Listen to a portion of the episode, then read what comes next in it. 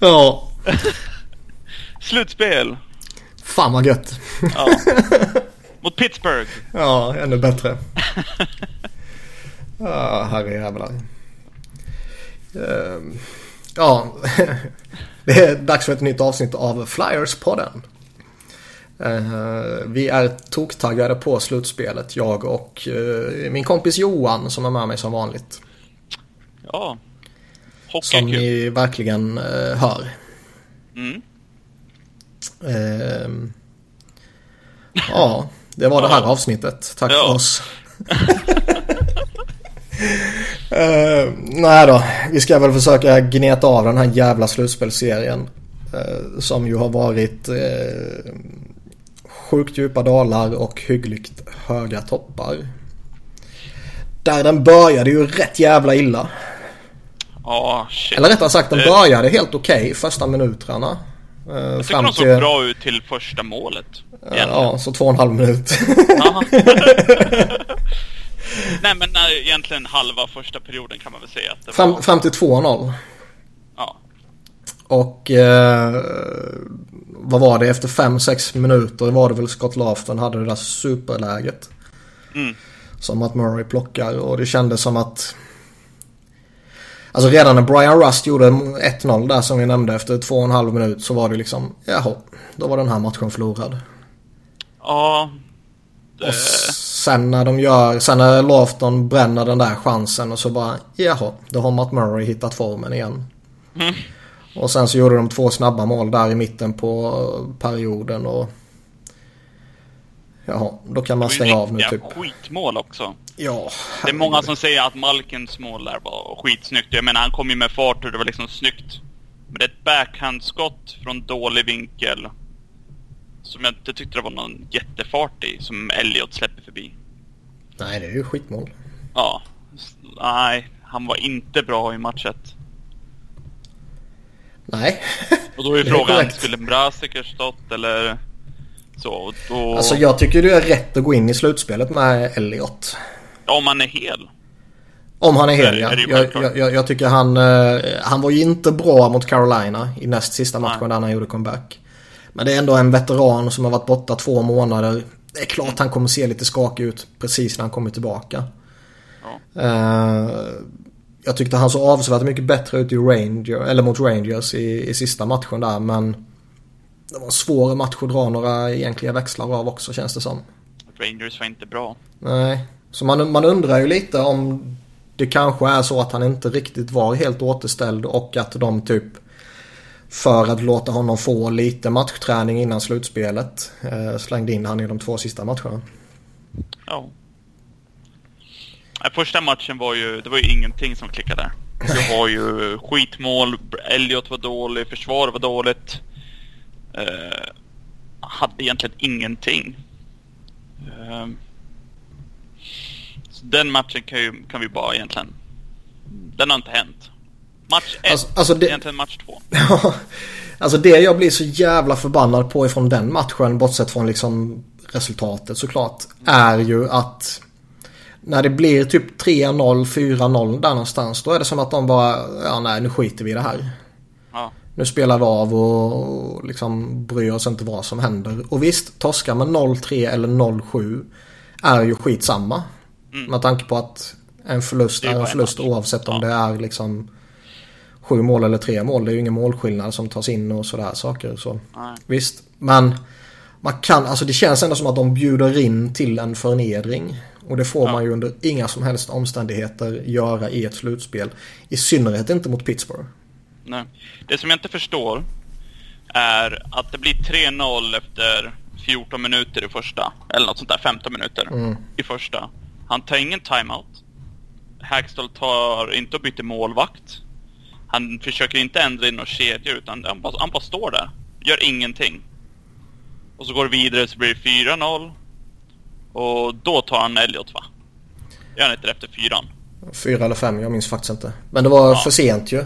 Och, då är det liksom- för sent. Det, men det har ju varit hans problem hela tiden att Ja.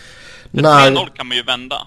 Ja, och, och liksom när vilken idiot som helst hemma i sofforna kan se att nu är den här skiten på väg att, och dra ifrån på riktigt. Nu måste man göra någonting. Ta en timeout och skälla ut laget, gör en laviolett liksom. Eller Oj, byt målvakt. förlåt att jag avbryter eller... det nu men det är video på Couturiers skada.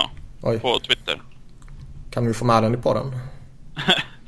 Eh, alltså Gudas är ju dum i huvudet. Vi kanske får med ljudet om vi är tysta nu.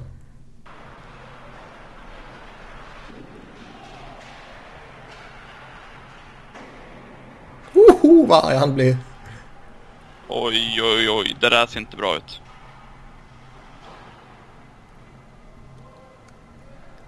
Herrejävlar. Vad gör han? Ja. Idioten, sen, alltså sen hans senaste avstängning så har han ju slutat spela fysiskt. Det enda fysiska han har gjort det är att döda vår första center. Ja. Det där såg inte bra ut. Ja, sorry. Jag såg att det dök upp på Twitter, så jag... Fast det ser nästan ut mer eh, höft än knä egentligen. Vad pratar vi om? Ehm, jo, Hackstall det här att han liksom, han reagerar inte i tid tycker jag. Ja, just det. Varenda Nej. människa, varenda idiot hemma i sofforna kan se att det här är liksom på väg att springa ifrån oss nu. Gör någonting, ta en timeout. Skäll ut laget, skaka om i kedjorna. Liksom brunka upp med en Drew Couturier och Voracek eh, line och Ghost Provorov och bara försök forcera ner skiten i offensiv zon. Eh, han gör ingenting, man låter raset ske och när raset väl har skett det är liksom då man gör någonting. ja, jag förstår. Då är det ju helt meningslöst att ta ut Elliot. Ja, då kan jag till och med tycka liksom att Fan låt han spela kvar. För, inte för liksom att man ska förnedra honom liksom. Nej. Utan mer för att om Flyers ska ha någon chans i den här matchserien så tror jag det är Elliot som måste vara deras målvakt. Mm. Jag litar inte ett skit på Neuwerf, jag litar inte ett skit på Mrazek. Eh, Elliot har liksom höjderna som krävs för att stjäla någon match här och där och spela stabilt Mm. och sådär. Men då måste han ju vara i fysisk form. Och Ja. det kan ju faktiskt vara så som vi började med och, och snacka om att han eh, eh, ja, inte är helt återställd. Mm. Nej, jag tror inte han är det. Jag tycker inte det ser ut som han är det.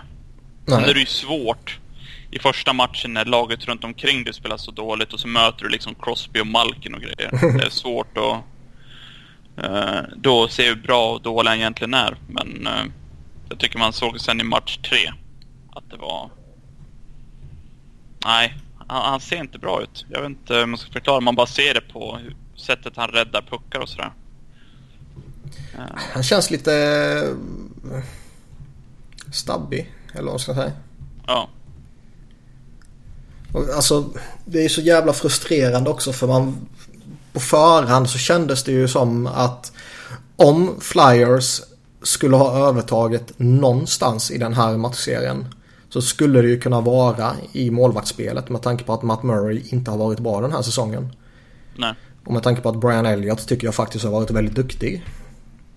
Han har gjort räddningar när han har behövt göra dem. Ja. Eh, och jämför man statistik och grejer så från grundserien är det rätt så, så avsevärd skillnad mellan de två. Mm. Men eh, så går man in och redan i första matchen så bara dödas det lilla hoppet man hade. Jag vet, det dröjde, vad, vad sa vi, 4-5 minuter innan Matt Murray liksom är tillbaka i zonen som de vann två kupper tack vare och Brian Elliott släpper in två av de tre första målen är ju skitmål liksom. Ja. Och eh, ja, efter den matchen så kändes ju eh, allt skit och allt var åt helvete och matchserien var förlorad. Eh, Men Flyera being Flyera vann ju såklart den andra matchen. ja. Eh, Och man gjorde ju det ju rätt, ja, och man gjorde ju det rätt överlägset också om man pratar siffror. Ja, man hade ju lite tur också. Jo, Att det just blev 5-1. Eh, med Crosby missade öppet mål och grejer. ja, absolut. Men de spelar ju bättre, men fortfarande... Egentligen i alla tre matcher nu så har ju inte deras bästa spelare varit deras bästa spelare. Voracek har varit sådär, Giroud har varit sådär. Simmons har varit usel. Simmons har varit dålig. Det är dina tre ledande forwards. Mm. Ehm, och ändå så ligger man bara under med 2-1. Med en till hemmamatch. Så att det är positivt på det sättet men kollar man, jag såg någon statistik, jag kommer inte ihåg exakt hur det var, men då hade inte Jiro gjort mål i slutspelet på 10 matcher. Mm. Och våra check samma på om det var 13 och sen Simmons på någonting. Jag kommer inte ihåg exakt numren. Men det är ju något sånt också. Kollar, kollar man på um, Dave Hackstalls... Uh, uh, vad heter det? Tenure. Vad fan säger man på svenska? Ja, track record i slutspelet kanske? Ja, typ. Så har man ju, gör man ju inte mål i slutspelet. Nej, man, Man, har har förlorat stort när man har 12-27 förlorat. ja, 12-27 i målskillnad på nio matcher. Och visst, nio matcher det är ingenting. Och liksom det kan vara slump. Och förra slutspelet så... visst var det Couturier som blev skadad då också. Ja, Ovechkin tacklade. Ja, och nu försvinner han igen liksom kanske. Mm. Eh, alltså de har gjort mer än två mål i en av de här nio matcherna.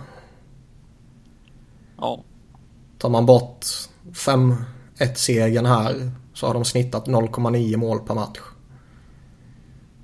Det är rätt sjukt. Det är, det är rätt jävla värdelöst. Det, det, det, den, eller man säger det största positiva jag har tagit av de här tre matcherna hittills, det är ju att det är de unga, de har ju varit bäst. Du Ja. har Connectney har varit bra, Patrick har varit... Ja. Manan har varit deras bästa forward. Ja, det tycker jag. Ehm, Travis Sanheim har varit jävligt bra tycker jag. Jag tycker till och med... Jag tycker han har varit vår bästa back. Ja. Och sen har du liksom Provorov är ju Provorov. Det, du får typ samma av han hela tiden. Mm. Eh, och det är alltid liksom hög nivå. Den enda unga som inte har varit genuint duktig tycker jag det är väl eh, Oskar Lindblom. Mm. Han tycker jag ändå var bra i, grundserien men han har ju inte fått ut ett skit här i, i slutspelet. Och visst Han det är ett annat stryk. spel och ja, verkligen. Ett Eh, annat spel och man måste anpassa sig och spela lite annorlunda kanske och Mm. tuffa matchups och hela det här köret. Men eh, han, har, han har inte varit bra. Nej. Men det, det blev trots allt en seger här alltså och eh, Ja, hoppet tändes ju lite i alla fall. Eh, det var några viktigare spelare som fick näta i Couturier, Connecting Patrick och sådär och man kände att eh, fan det finns lite hopp kanske. Mm. Eh, och sen Flyera being Flyera blev ju såklart överkörda i Game 3. Ja. Där man typ dominerar första perioden. Och skapar... Så bra som de spelade i första. Jag har nog inte sett dem spela på hela säsongen tror jag. Nej. Skapar jättemånga chanser. Eh, trycker ner Pittsburgh jättehårt relativt ofta liksom. Mm. Och eh, får inte ut ett skit av det. Nej. Får väl i alla var ju- fall eh, en handfull bra lägen till att göra mål. Och där behöver man alltså... Om man är så bra som man lyckas vara där och i kombination med att Pittsburgh för en gångs skull faktiskt är jävligt dåliga. Mm. Så måste man ju utnyttja det om man ska ha en chans att, att vinna den här matchserien. Ja. Och nu, eh, nu bommar man chanserna man skapar och får istället se Crosby näta halvvägs in i perioden. ja. Det var ju ett riktigt slumpmål. Mm. Men det är också sådär typiskt. Man radar upp chanser och man lyckas inte förvalta dem och så får man ett mål i arslet. Ja. ja, men det var ju som, som i Game 1 där med Lawton. Så nu i Game 3 så var det Connectney som tappar pucken. Mm. När han egentligen bara behöver röra pucken lite till höger så han öppet mål. Murray är liksom ur position. Mm. Och han tappar puck. Och så var det läge efter läge och man lyckas inte i mål. Och så när Crosby är i mål då känns det som att, ja, då ger vi upp då. Mm. Det verkligen kändes som att i period 2 och 3, det var liksom ingenting. Nej, det, det är precis som när man får en motgång så bara raseras allt. Mm. Och när man får lite medflyt så kan man köra över vilket lag som helst i princip. Ja, och så blev det ju samma sak igen. De går upp till 3-0. Hackstall gör absolut ingenting. Och så kommer 4-0 tre sekunder efter, eller vad det var, fem Mm. sekunder efter. Så han lärde sig inte från Game 1. Att han borde ha tagit timeout och så blir det samma sak igen i Game 3. Då står han där och inte har lärt sig någonting. Men vi kanske får förändringar nu till match 4. Det ser ju ut som det. Uh, oavsett om uh, Couturier spelar eller inte. Och i, i uh, skrivande stund höll jag på att säga, vad fan säger man? I pratandets stund. så, har, så har Flyers inte lämnat någon update på honom. Wayne Simmons säger att Coots will be fine. Eh, vad det nu betyder. Men den videon som vi tittade på nyss eh, är ju högst oroväckande. Ja, det såg inte bra ut, den där videon. Nej. Det, det är att beskriva det milt. ja. Eh, men när, ja innan han gick sönder i alla fall så lirade de ju då, då bufflade de upp första kedjan och skickade in Voracek med Coots och Giroux. Mm. Sätter ihop Connectney, Patrick och Simmons i en andra kedja. Slänger in Jordan Wheel som varit petad tidigare i matcher med Filppula och Raffel. Fjärde kedjan blir då Lafton, Lehtara och Matt Reed. Och när Couturier försvann så petade de ju upp eh, Patrick ett snäpp, Filppola ett snäpp, eh, Lehtara ett snäpp och Lafton gick in som center. Vilket ju känns... Eh, alltså... Om du tappar Couturier och du frivilligt går in med en centeruppsättning som består av Patrick, Filppula, Lafton och Lehtera mot Pittsburgh. Då blir de ju överkörda. När du, har, ja, när du har Giroud tillgänglig liksom. Då, är det Ja. ju, då ber du om att bli överkörd igen. Mm. Jag, jag kan inte i min vildaste fantasi se hur man inte kan peta in Giroud som center om Couturier är borta. Jag tycker till och med man kan argumentera för att liksom, Giroud behöver bli center även om Couturier kan, kan lira bara för att kunna matcha tre bra centrar mot tre andra bra centrar. Ja, jag håller med. Men jag Eh. tycker att det positiva är att Connectney är inte med Filppula längre. Så ska vi Mm. få se om Patrick och om nu Couturier spelar, om Connectney och Patrick kan lyfta Simmons. För Flyers behöver att han kommer igång. Oh ja. Han är en av de som ska göra målen. Mm. Eh, Så um, får vi se då. Men eh, jag, jag förstår inte Hackstalls tänk där när han, han har liksom möjlighet att sätta ihop en kedja han vet funkar genom att köra upp Connectney med Couturier och Giroud. Ja, alltså från årsskiftet och framåt var det bara Conor McDavid som gjorde mer 5 mot 5 mål än Connectney. Ja, Och man liksom vägrar utnyttja den extrema potentialen man har tillgång till. Så han har ju liksom möjlighet att använda en kedja. Men den här kedjan vet jag funkar. Mhm. Men istället så sätter han ihop massa kedjor som han inte har någon aning om det kommer funka. Ja, Jag, jag förstår inte riktigt det där. Alltså, a- Och allt- försvaret allting- har släppt in, de har släppt in sju mål och så i tredje släppte de in fem mål. Och mot Pittsburgh hela säsongen så har det varit fem mål Mm. plus. Och han vägrar att ändra i backuppställningen. Det är nästan det som förvånar mig allra mest egentligen. Med tanke på att man... Med, ta, alltså med tanke på hur fan han är funtad och med tanke på hur han resonerar och vad han gillar och allt sånt där. Så är jag ju faktiskt smått chockerad över att Hägg inte har klivit in i försvaret. Ja. Eh, under en period så var han den som tacklades mest i ligan. Han spelar safe, bla bla bla bla bla. Eh, allt som Dave Hackstall eh, uppskattar. Eh, Mm. Så jag, jag är förvånad att han inte har klivit in. Det, det blir ju samma sak igen att... förmodligen är det väl så att Travis Sunheim har varit för bra för att beta honom. Ja, det är ju inte han som ska petas. Nej nej, det, nej, nej, det är inte så Det jag menar. Ja, allihop. ja, nej, nej, det är inte det, det är jag ju, menar. det är ju men- samma sak där som det har varit hela säsongen, eller egentligen ända sedan Hackstall tog över. Det är att alla veteraner, de kan göra misstag. Oberoende på om det är liksom Giroud eller om det är Andrew McDonald eller Brandon Manning. Mm. De, de, liksom, de kan göra misstag efter misstag och spela dåligt. Men så fort en Connectney tar en utvisning eller Lindblom... Nu har inte, alltså jag förstår ju varför Lindblom nu kommer vara healthy scratch.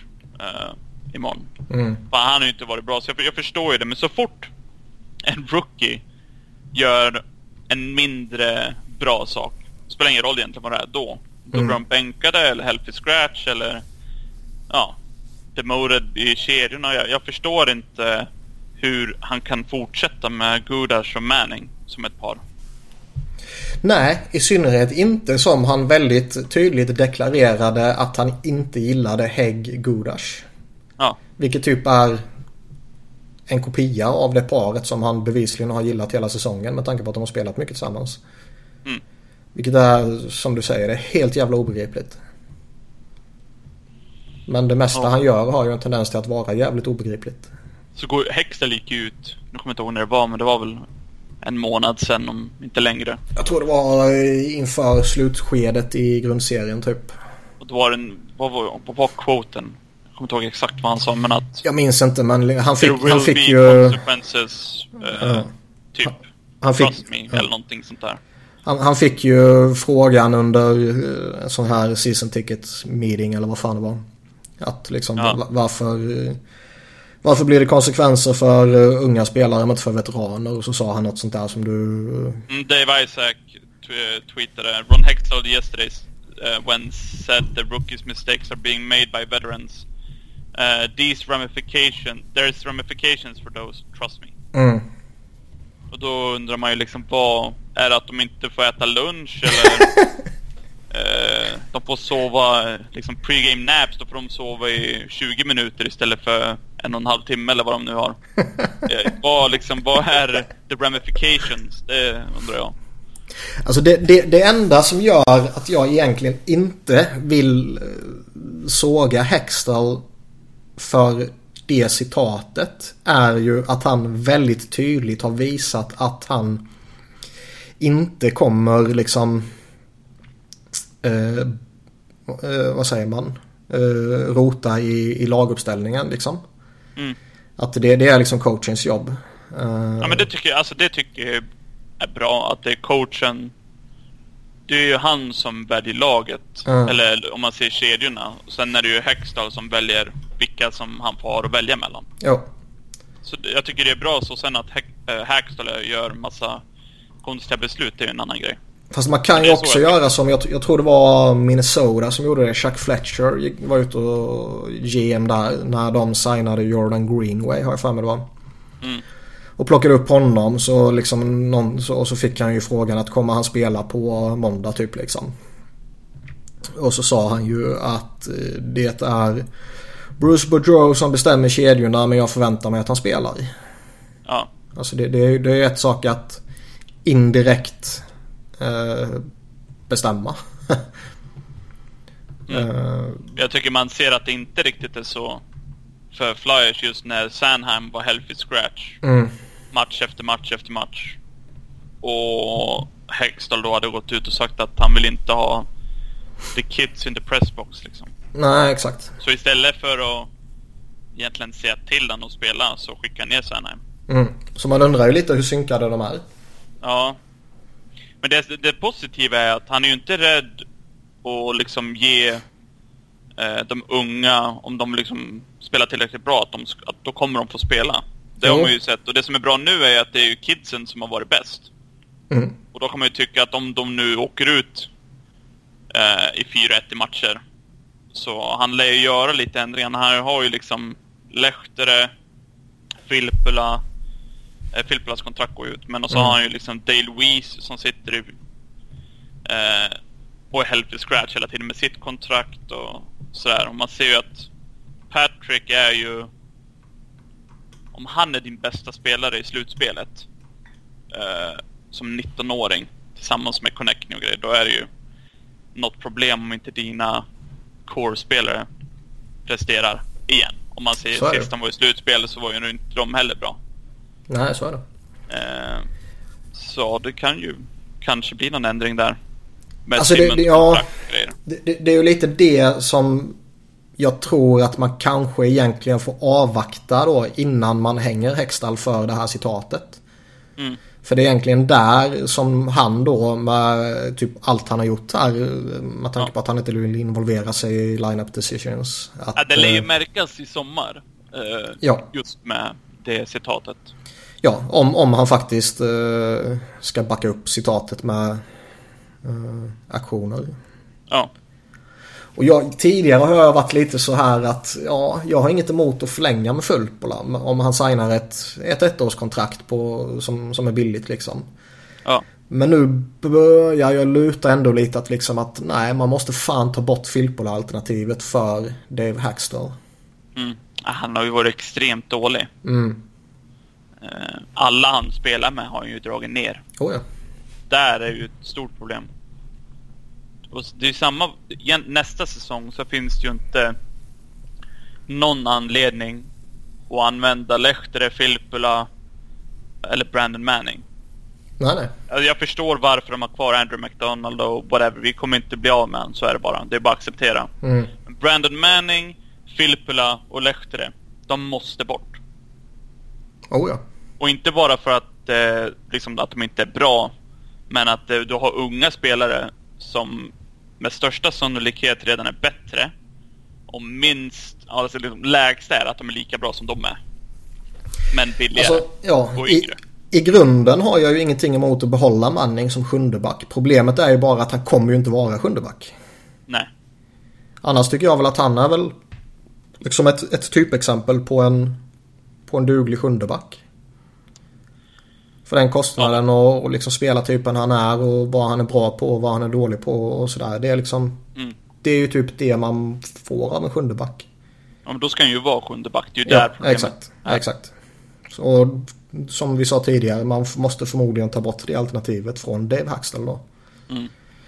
Om det tyvärr då skulle innebära att Robert Hägg typ får sitta sjundeback så Ja, men nästa säsong så. då har du Hägg. Och så har du ju, du har ju liksom alla, ja, Provorov, Gostisbehere, Sanheim och Andrew McDonald. Och så har du ju Hägg och så har du, Sam Moran. Är ju inte waiver Ja. stamp nästa år heller. nej, du har Moran och så har du eh, Myers. Eh, nu tror jag inte, ja det beror på, han har varit mycket skador på Myers. Men du har ju liksom, du har spelare från eh, Lehigh Valley. Mm. eh, som ska upp.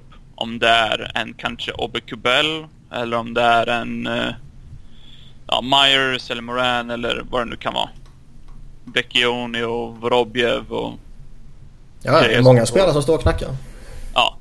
Så det är, jag ser ingen anledning till att signa Filippola. Speciellt när du har en Låten som egentligen är perfekt för tredje centerrollen. Alltså han är ju lite vad de tror att Filippola är typ. Ja, Och han kommer till en, en bråkdel av priset. Även men om man skulle förlänga med Filippola så tror jag egentligen skulle vara... Han är en perfekt botten 6-center. Oh ja. Och jag... Nu har de ju tryckt ut den på kanten. Och ska han ha Lechter i mitten som knappt kan åka skridskor. Nej. Nej, det är så jävla tragiskt. Ja, Alltså jag, jag gick ju inte in i det här slutspelet med några jättestora eh, förhoppningar. Eh, nej. Pittsburgh är ju solklara favoriter. Det som jag sa tidigare, det var väl en faktor som jag såg kanske eventuellt skulle kunna tala för Philadelphia. Målvaktspositionen och den raserades ju efter fem minuter typ. Det enda man ville und- undvika är ju liksom, man vill inte bli förnedrad i första rundan. I synnerhet inte mot Pittsburgh. Men det är ju där vi står nu. Ja, Eh, Utan jag, jag Alltså- tror fortfarande att det här året handlar om att ge kidsen erfarenhet. För Mm. att kunna göra en push förhoppningsvis kommande säsong. ja. ja men det, det, det är som, jag kommer alltid tillbaka till det. Jag tycker det är så... Alla säger det, att det, det, man vill liksom vill ge kidsen erfarenhet. Jag håller med. Det är, skit, det, är liksom, det är skitbra att de går till slutspel så att de liksom får, får känna på det. Mm. Men de spelar slutspel för första gången. Och de är, de är bäst av allihopa. Mm. Då har du ju någonting som är problemet med din core. När dina bästa spelare så fort... Nu kommer de från monstersäsonger. Och de liksom, de är inte tillräckligt bra. Ja, Och man har ju sett, eh, precis som i grundserien, och har man ju sett i slutspelet här också, i synnerhet första matchen, att de liksom... De kommer inte ut och är inte redo för match. Nej. Uh, nu minns jag inte, men det var väl fem matcher mot Pittsburgh under grundserien. Uh, var det inte fyra? 0-2-2 tror jag de hade. Ja, skitsamma. Men alla matcher ja. i alla fall så, uh, så har Pittsburgh satt en helvetes fart, satt en riktigt hård press, kommit mot dem med allt de har hela tiden.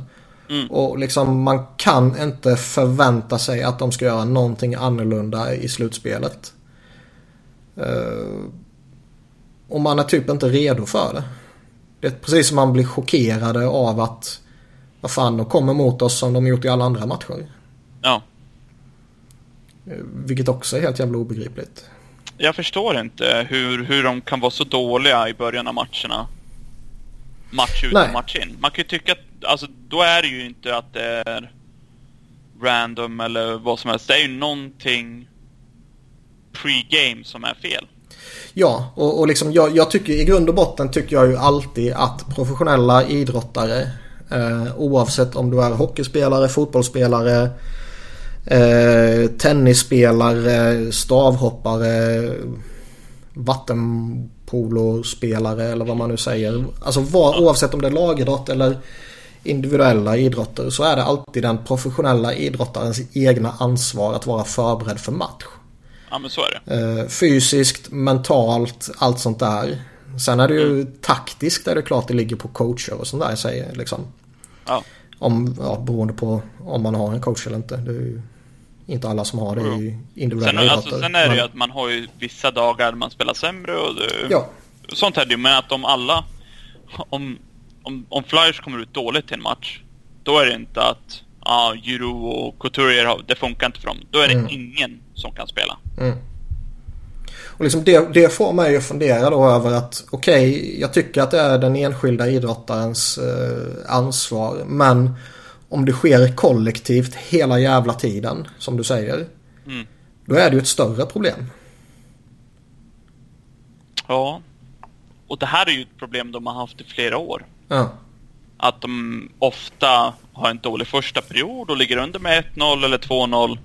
Och så har de oftast en bra andra period och som de har kommit ikapp eller att de har gjort ett mål och ligger under bara med ett mål eller någonting. Ja, men då kanske det finns lite hopp i tredje. Mm. Och det har varit så i flera, flera år. Och jag förstår inte hur det kan fortsätta vara så. Mm. Och så nu senast, det är första hemmamatchen. Hela Wells Fargo kokar. De spelar skitbra och spelar ut Pittsburgh i 20 minuter. Eh, har lite otur, ligger under med 1-0 och så kommer man ut i andra perioden och det är helt, helt dött. De har liksom ingen energi, ingenting. Jag, jag, jag, jag kan helt ärligt inte förstå hur det kan vara sån skillnad. På en eh, 10 minuters paus. Och man undrar ju vad det är som, som gör det. Är det liksom... Är det så att alla... Eh, ja, vad ska man säga, 25-26 spelare som under eh, liksom har, har varit eh, aktiva en längre del av säsongen om man säger så. Mm. Är det att alla de som av en händelse är mentalt svaga liksom? Eller eh, fysiskt inte tillräckligt förberedda allihopa. Eller är det liksom som då hamnar på en tränarfråga. Eller ja. eh, liksom är det något fel på, på skallen så att säga. Då, då är det ju kanske inte per se en, en tränarfråga liksom. Mm.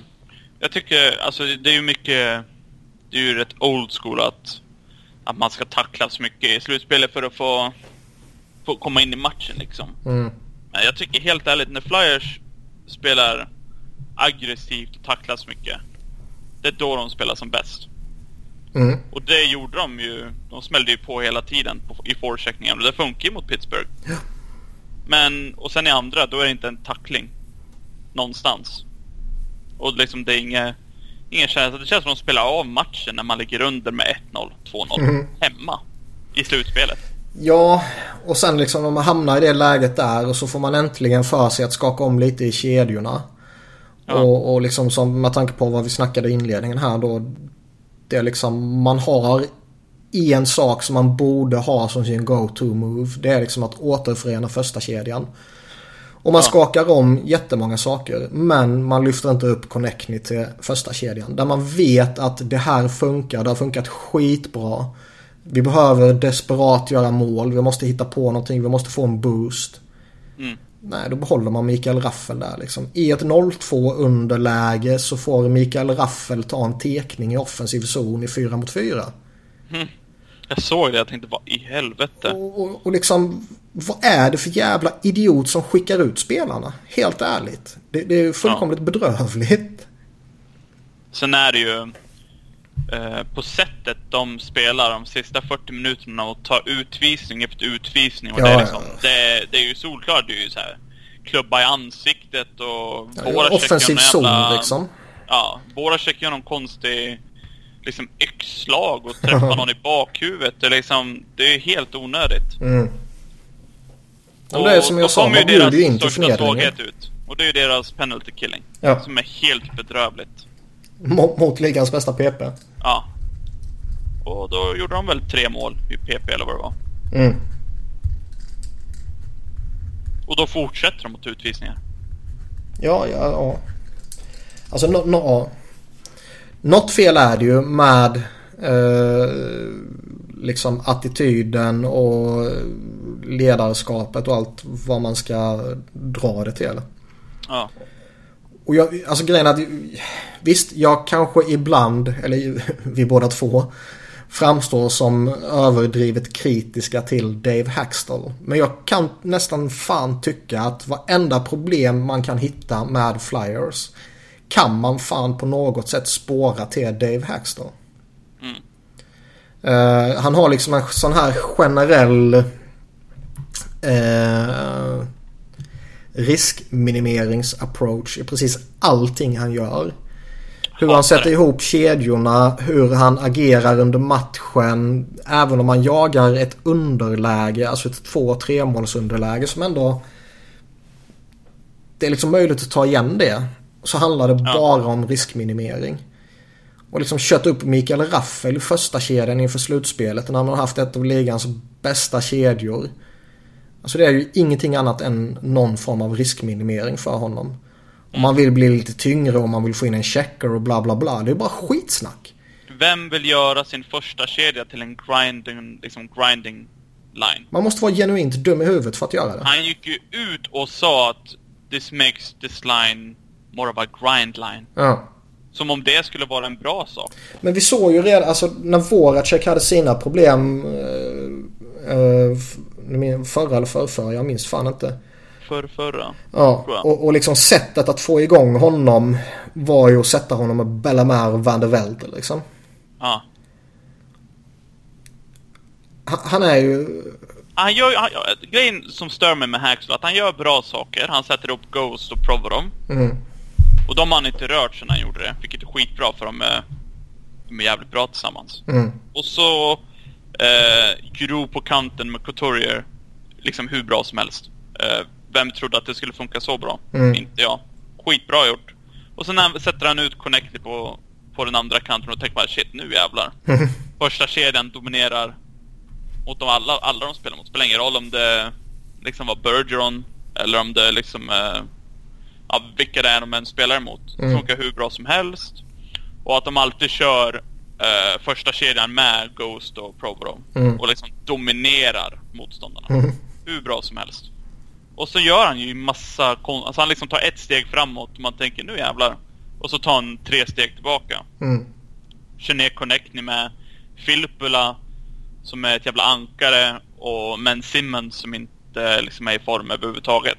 Nej. Sätter du din eh, din bästa målgörare egentligen mm. i laget just nu. Mm. Eh, nej, jag... Eh, man blir, jag, jag blir så frustrerad på hans beslut. Och så nu när han gör ändringar som vi sa, så sätter han inte ihop kedjan som han vet funkar. Exakt. Ja, ja, jag vet inte vad jag ska säga. Uh, Nej, det är alltså, sådana då- självklara saker. Som han, han borde göra. Som alla vet funkar, förutom han. Mm. Det är ju det som är så fascinerande för alltså må- många gånger kan man ju eh, Alltså om man vet följer ett hett ämne på Twitter eller forum eller vad det nu skulle vara så kan det ändå vara en stor del som tycker så och en stor del som tycker så. Men här är ju verkligen typ alla helt överens Ja. om i princip allting som han gör fel. Förutom han själv och typ hans mamma. Mm. Uh, vilket Nej, det är också är liksom obegripligt. Ja. Och jag är helt övertygad om att det inte kommer ske om det nu inte är så att man torskar två raka matcher här med 0-7 liksom. Mm. Så tror jag inte att Dave Hackstall kommer få sparken till sommaren. Men Nej. Mitt förtroende för Ron Hextall kommer få en törn om han inte får sparken. Ja. Eh, det ska ju sägas också att om inte Ian LePerrier får sparken, eller omplaceras, Mm. så... Uh, så det är så, så solklart att han måste bort. Oh ja. Som, det blir samma sak där, om, om han blir kvar. Då är det någon lojalitetsgrej för att han, han är en Om du bra skjuter kille, i liksom. huvudet. Ja. Det är synd om honom. Det är ju det liksom. För de är så dåliga i boxplay, de bara står där. Men jag fattar inte det liksom hur många gånger som helst som vi har två backar som man, man har ingen aning om var de tar vägen och sen står det en spelare helt fri framför Ja. målvakten. Som skymmer honom eller styr eller petar in returen eller vad fan som helst. Mm. Och sen har man spel, alltså, eller spelare, forwards, som flänger omkring och som tappar eh, helt öppet i slottet och inte verkar veta vad de ska göra. Och när en passning är på väg in i slottet till en fristående spelare istället för att försöka peta in klubban för att hindra honom från att skjuta eller få en, en, eh, en perfekt träff så att säga. Så typ jagar man upp för att täcka en, en back liksom. Ja. Det är sådana konstiga beslut man tar och sådana ologiska beslut man tar som gör liksom att hur är det bara möjligt? Nej, jag... Ja, man kan ju tycka att, att om ett eh, boxplay inte funkar över 82 matcher. Mm. Under de här 82 matcherna, om man ligger 25 eller sämre under hela året, kan man tycka att vi kanske borde ändra upp hur vi vill döda utvisningar. Vi kanske ska vara mer aggressiva när de inte har liksom, eller när de har eh, ryggen, eller ska man säga, när de inte har full kontroll längs med kanterna. Ja. Lite så som Pittsburgh gör. Så fort Giroud får pucken så sätter de press. Mm. Att de liksom pressar mer. Nej, de fortsätter med samma. Så fort motståndarna tar sig in i zon eh, när de försöker döda utvisningar, då, då bara ställer de sig där. Och liksom låter dem göra vad de vill göra. Och så hoppas de att de ant- antingen blockar skottet eller att Elliot räddar och sen kan de skjuta iväg pucken. Eller liksom så står de där. Det är liksom ingen press, ingen ingen gameplan. De bara står där. Ja, man verkar ju inte ha jättestora ambitioner om att förändra spelarna heller. Nej. Det är liksom Filppula, Lehtere, McDonald, Manning som... Dina, dina fyra sämsta spelare på isen samtidigt. Ja, och, och det är liksom de som hela tiden gör de här misstagen som går bort sig och, och liksom... Mm. Visst, gör man misstag under en 10-15 matchers period. Det kanske man kan rycka åt axlarna åt i, i över en säsong som är 82 matcher lång plus slutspel. Ja. Då är det ändå i sig en rätt liten sample size. Men om det verkligen sker över en hel säsong, samma sak hela jävla tiden. Hur kan man inte se det? Alternativt, hur kan man se det och inte agera utefter det? Nej, jag... Eh, nej, jag, jag förstår inte det. Jag, det enda jag kan liksom... Om jag hade varit coach över ett powerplay eller boxplay. Och då hade man kanske... Ja, men vi sätter upp det i 20 matchers... Liksom olika kategorier. Ja, men de här 20 matcherna... Ja, det har inte funkat. Vad kan, vad kan vi, varför har det inte funkat? Så kollar man, ja men det är för att de pressar Giro på vårt powerplay. Ja, vad kan vi göra då? Ja, då står våra check med halva offensiva zonen helt fri. Mm. Kanske börja köra powerplayet genom honom. Det är inte så att han är en, eh, en Jori Lehteri liksom. Vi snackar om en av de bästa passningsspelarna som Flyers har haft på väldigt länge. Oh, ja. Så kanske Giro blir mer fri om man kör igenom Voracek. Nej, allting ska gå genom Giro. Även när det inte funkar. Men det är det som också... Eller få anpassa sig. Ja, som jag, som jag också har nämnt i tidigare avsnitt här eller vad det var NHL-podden eller vad liksom. Men under början av säsongen så tyckte jag att de experimenterade med en massa saker. Helt plötsligt så Ja. stod de två spelare bakom förlängda mållinjen och, och liksom la upp spelet därifrån. Det har man ju typ inte sett på 60 matcher känns det som. Nej. Och det är liksom precis som att Nej, vi har bestämt oss för att göra så här. Då ska vi fan göra på det här sättet. Vi ska inte anpassa oss, vi ska inte förändra oss, vi ska inte prova nya saker. Vi ska vara dumma, envisa och Mm. bakåtsträvande. Nu ska det ju sägas också att nu var det nu Game 3. Jag tror det var Game 3. Så dumpar de in pucken på powerplay. Ja, det borde Två vara böter direkt. Två gånger i ett byte Mm. dumpar Giro in pucken i powerplay. Det är ju, alltså det är ju i princip att han ska bänkas och inte spela mer på matchen. Ja. Eh, och att... Nej, jag, nej, jag, jag förstår inte hur... Det är liksom, det tar 10 sekunder. Ja men... Eh, powerplayet som var i period 1, ja det funkar inte. Ja, varför funkar det inte? Jo, för att de pressar Giro. Ja, kanske inte ska köra det. Det, det är ju det som har varit deras problem. När det inte har funkat. Mm. Är för att de har pressat Giro. Mm.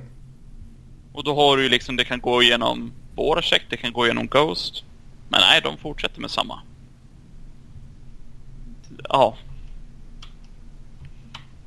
Nej, det är fan obegripligt det också. Och som sagt, de testade olika saker under början på säsongen och sånt här som jag tycker ändå så intressant ut och liksom vettigt att ha en plan B och en plan C och det har man helt kastat i soptunnan nu. ja. Ehm, och man undrar ju om det är Chris Knobloch som har gjort det själv eller om han blivit beordrad att göra det. Jag misstänker ju det senare. Ja, jag, jag tror nog att det är en, eh, en dialog mellan Hackstall och Noblock och att En dialog om som de går åt inte ett håll. riktigt varit överens så har det gått genom Hacks, alltså Hackstalls, det han vill ha, Ja, ja. skulle jag gissa. Jo, det är jag helt övertygad om. För jag tror inte din powerplay-coach har full... Att han bara får göra precis som han vill. Det tror jag inte. Joey Mullen kanske hade det med tanke på rykte och status och sånt där. Ja, Ehm, men, när du kommer in en- som ung coach första säsongen i NHL. Nej, exakt. Ehm, om vi ska blicka framåt lite då. Vad, vad fan ska man göra?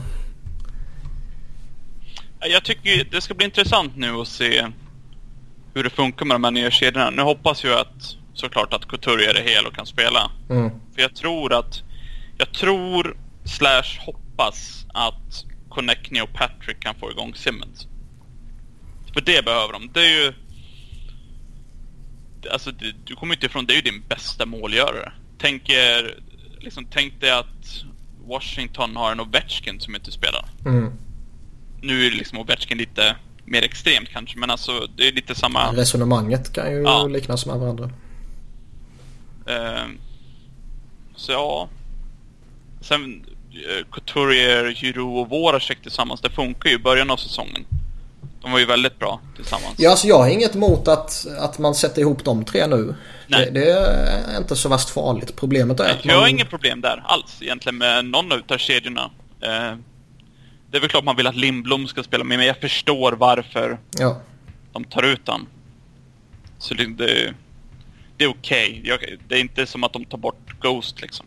Mm. Nej, alltså jag har inget emot det. En, enda grejen är väl att jag gillar Voracek med Patrick. Jag tycker de två funkar bra tillsammans. Och eh, Ja. liksom den, den kraften och skickligheten och eh, liksom förmågan att transportera puck och, och, och liksom bita fast puck i offensiv zon.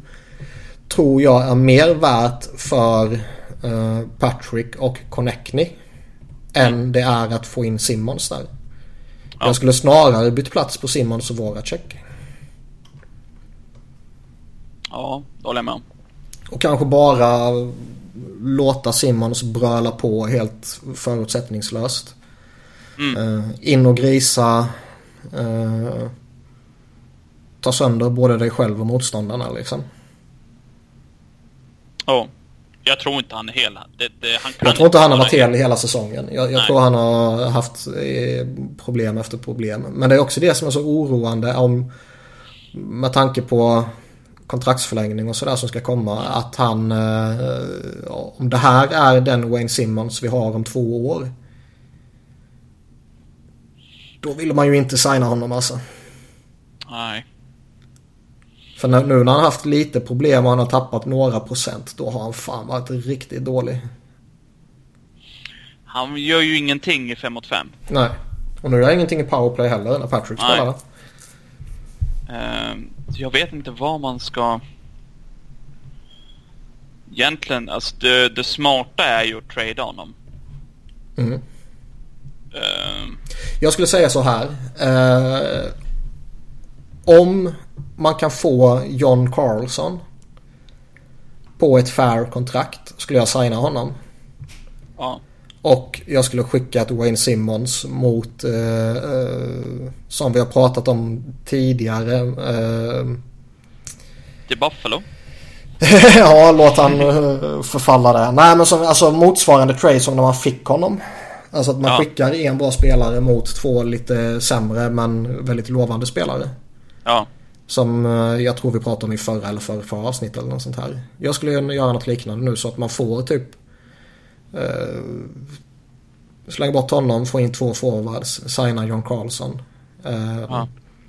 Jag har också snackat lite om att Calgary vill mm, liksom brösta till och, och bli tyngre och tuffare. Och det känns som det att man kan lura på dem. Honom som söker en Wayne Simmons. Ja, och sen så... Har just det man behöver. Antingen få någon ung forward eller något sånt där. Eller lo få loss en Doggy Hamilton eller något sånt där. Ja. Uh, för jag, det känns som att ska det här laget, alltså ska det här laget kunna utmana under den tiden som Giroud och Voracek har kvar mm. på en hög nivå. Och med tanke på att de studsar tillbaka nu så tycker jag ändå att det bör man kunna tycka ska vara i två säsonger till. Ja. Uh, så Han tror... har ett år till va? Simmons. Mm. Så tror jag att eh, backbesättningen behöver nog uppgraderas eh, lite hårdare kortsiktigt.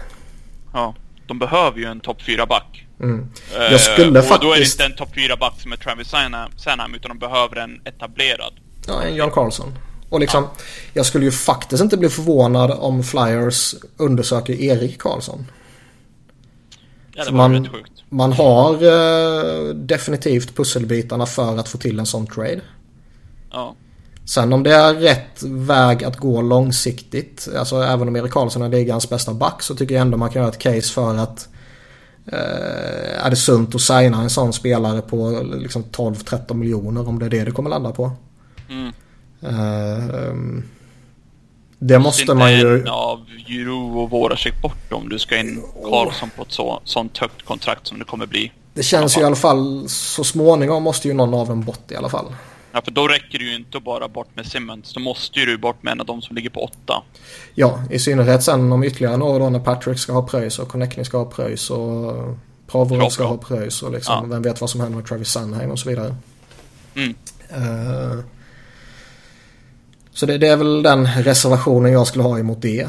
För ska man ta in Karlsson så måste det ju vara att antingen är du redan en bona fide contender eller så kommer du bli det med honom.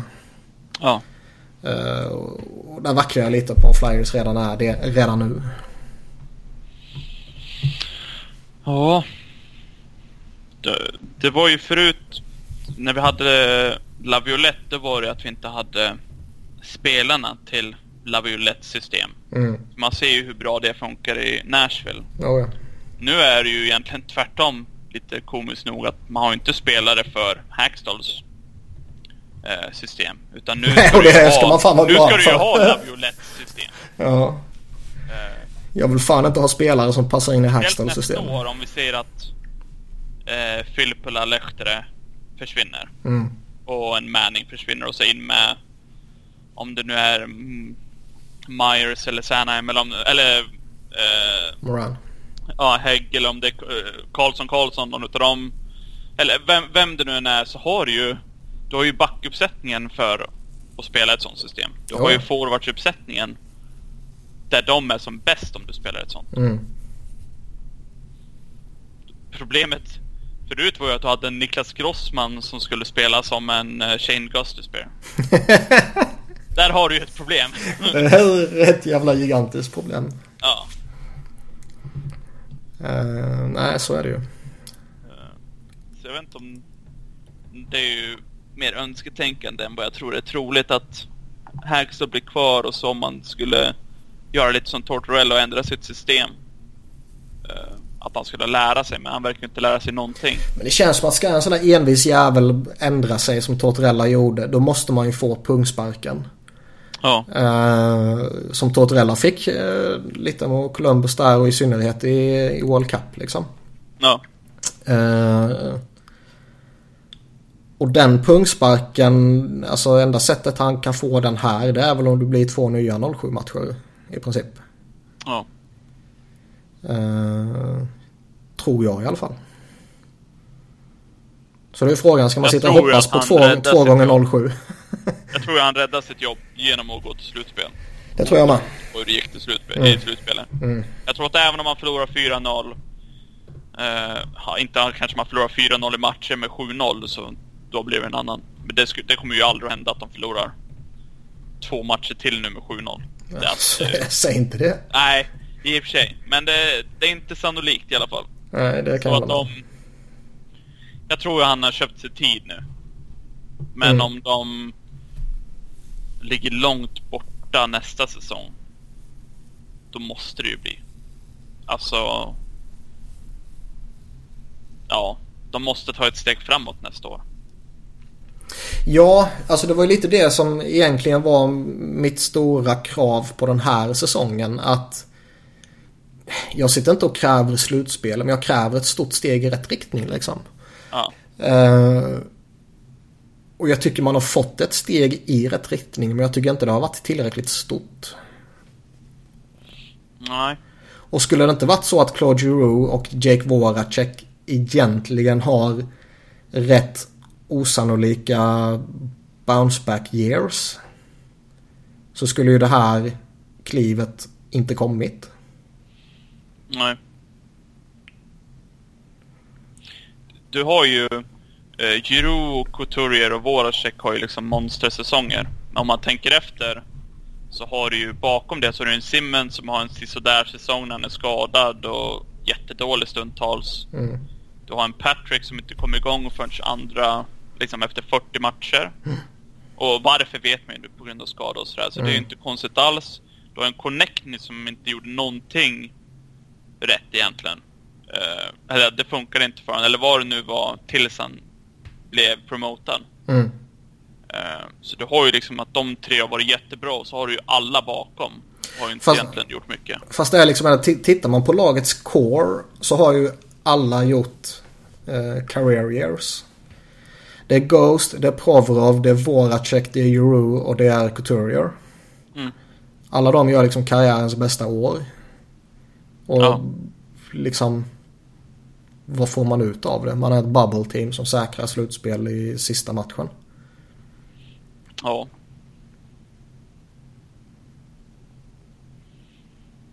Jag tycker ändå det är rätt. eh, I sig är det ändå relativt talande. Jo, jo. Alltså jag håller med, men det... Men jag det förstår menar- vad du menar också. Ja. När Ja, du jag backar Hackstall. Jag tycker det är jättekonstigt att man inte är... eh, att man inte är bättre.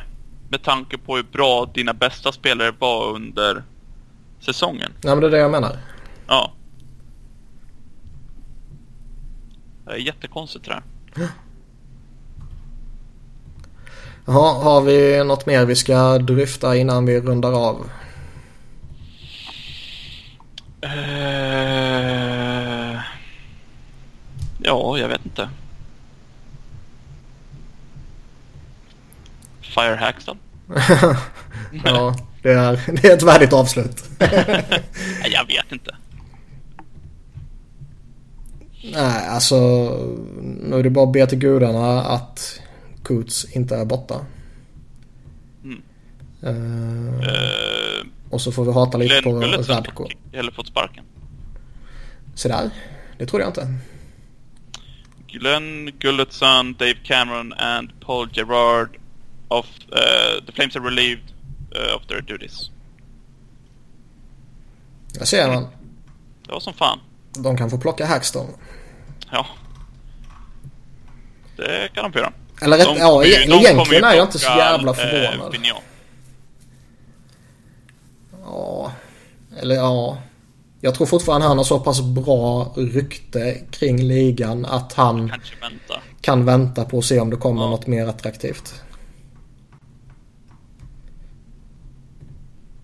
Skulle inte förvåna mig om de redan pratar med han och sen valt att sparka Gulletsson och company. Mm.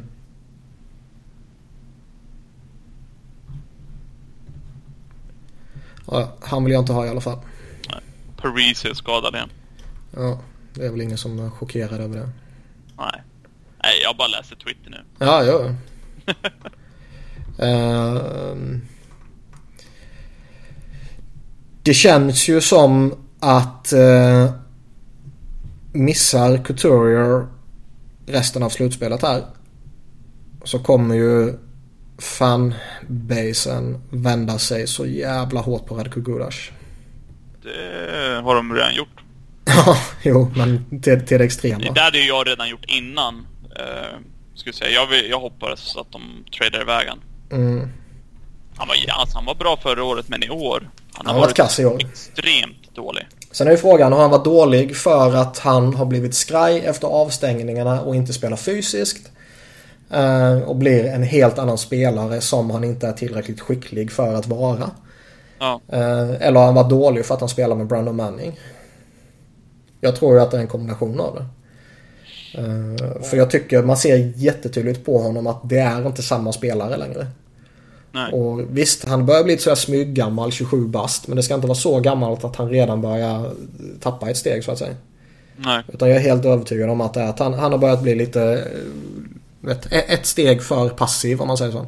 Mm. Fram till han plockar eh. Couturier.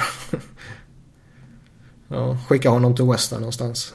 Skicka honom Gudas och Simmons till Calgary mot Doggy Hamilton. Typ. Och ett pick typ.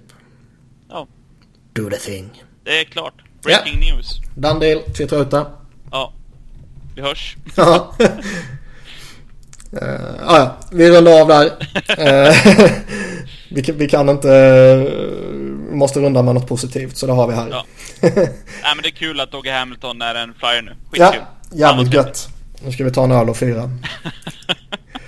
Men eh, på återhörande. Tack och hej. Hej hej.